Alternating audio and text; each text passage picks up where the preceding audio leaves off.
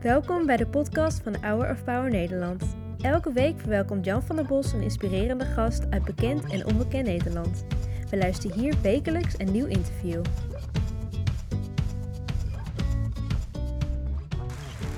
Je bent als achtste vertrokken en je bent als eerste hier.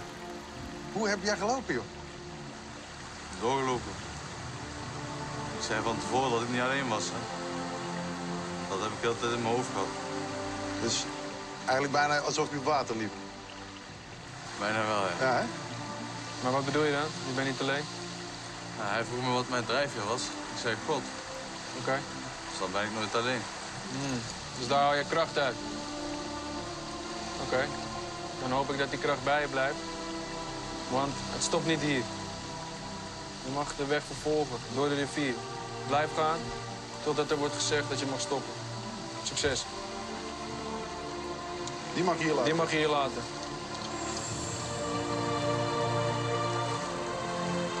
Als iemand zoveel kracht uit zijn geloof haalt, ik vind het toch altijd wel mooi om te zien, hoor. Zeker, bijzonder.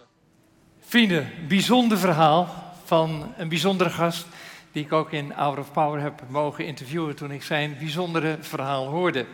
Hij is tweevoudig wereldkampioen, onder andere Thai boksen. Glanzende carrière voor zich en eh, iemand die eh, van het geloof eigenlijk niets wist. Je hoorde hem net in Kamp van Koningsbrugge, dat eh, bekende programma waarin het uiterste van eh, mensen wordt gevraagd. En ik ga hem graag interviewen. Ik heet Robbie Hageman. Van harte welkom op het podium. Robbie.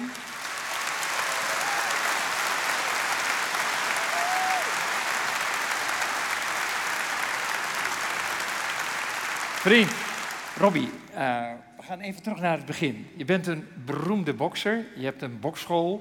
Bekende Nederlanders komen les bij jou nemen. En dan op een avond, je ligt te slapen in je slaapkamer, lekker met je vrouw en je kleine zoontje. En dan wordt de deur ingeslagen en dan staan er een aantal gewapende agenten bij je bed. Waarom? Nou, ik had mijn auto uitgeleend.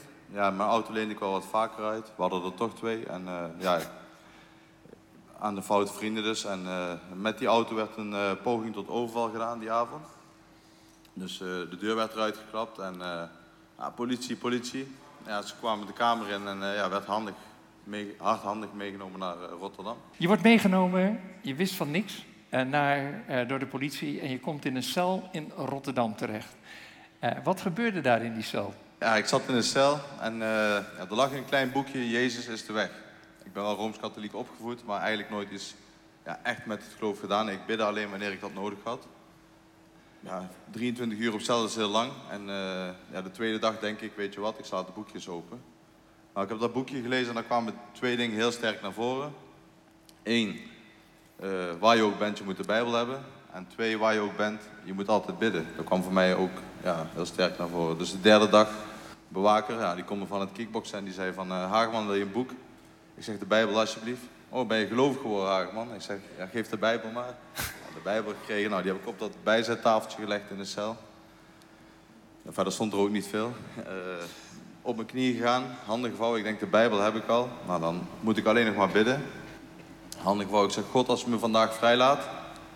Want er stond ja, drie maanden tot een jaar met goed gedrag voor, zeg maar. Ik zeg, God, als u me toch vandaag vrijlaat, dan ga ik voor de rest van mijn leven naar de kerk. Op, op dat moment wordt er op de deur geklopt en eh, zegt Hageman, kom maar, je bent vrijgelaten. Dus ik kijk, Dan ga je een grote bokswedstrijd houden. Je wordt knock-out geslagen, je valt bewusteloos op de vloer. Eh, en wat dan?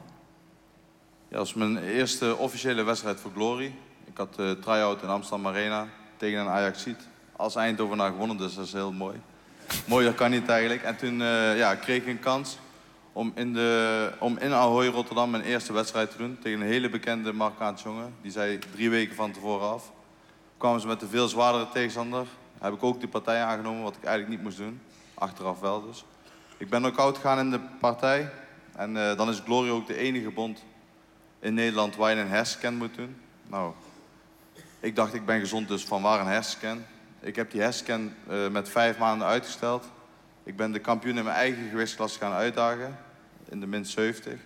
Die partij kwam, maar Glory zei, je moet nog wel die herscan doen. Nou, die herscan deed ik en uh, de dokter had nieuws dat hij aan niemand wilde vertellen en goed nieuws. Het goede nieuws was dat mijn hersencapaciteit na 20 jaar klappen hetzelfde is gebleven. En het slechte nieuws is dat er een ja, gezwel zat dat later een kwaadaardige tumor bleek. En een hele forse tumor. Toen je hoorde dat je dat enorme gezwel had, uh, toen wist je ook, het kan zijn dat ik dit overleef, maar het kan ook zijn dat ik het niet overleef. Wat zei je toen? Nou, de dokter denkt uh, levensverwachting 10 à 15 jaar. Dat is wat korter geworden bij mij omdat het uh, eerder terug is gekomen. We zitten al drie jaar in het proces. Maar ik ben nog zo fit als, ja, als dat ik gisteren was, bij of dat ik voorheen was. Ja. Ja. ik denk wat bij de mens niet mogelijk is, is mogelijk bij God. En, ik was eerst heel erg verschoten, maar achteraf ben ik dankbaar dat het niet mijn vrouw, kinderen, ik heb drie zoons. Ja, of het mijn vader of moeder was geweest, dan had ik het ja. denk ik veel minder goed kunnen relativeren. En voor mij is uh, ja, een mooie bijbeltekst, 1 Filippenzen 21. Filippenzen 1, 21. Uh, leven is Christus en sterven is winst. Dus, uh, ja. Leven is Christus en sterven is winst. Opnieuw ben je nu in behandeling. Je hebt je eerste chemotherapie gehad, want het gezwel is weer terug. Ik vind het ongelooflijk zoals je hier staat. Wat zou je tenslotte als bemoediging aan mensen willen meegeven die hier misschien ook zitten met een ziekte of een zware ziekte in familie, bij familie of vrienden is geconstateerd? Wat is jouw bemoediging? Ja, wat ik zei daar in het programma eh, Kamp van Koningsbrugge. Wij lopen nooit alleen, dus dan is de strijd toch al een stukje makkelijker. Ja, leven is Christus, sterven is winst. De dokter denkt dat ik nog tien jaar heb. Dat ik over tien jaar dood ga. Maar wij als christenen hebben het eeuwig leven. Dus ja, ik denk dat er alleen maar mooie... mooie...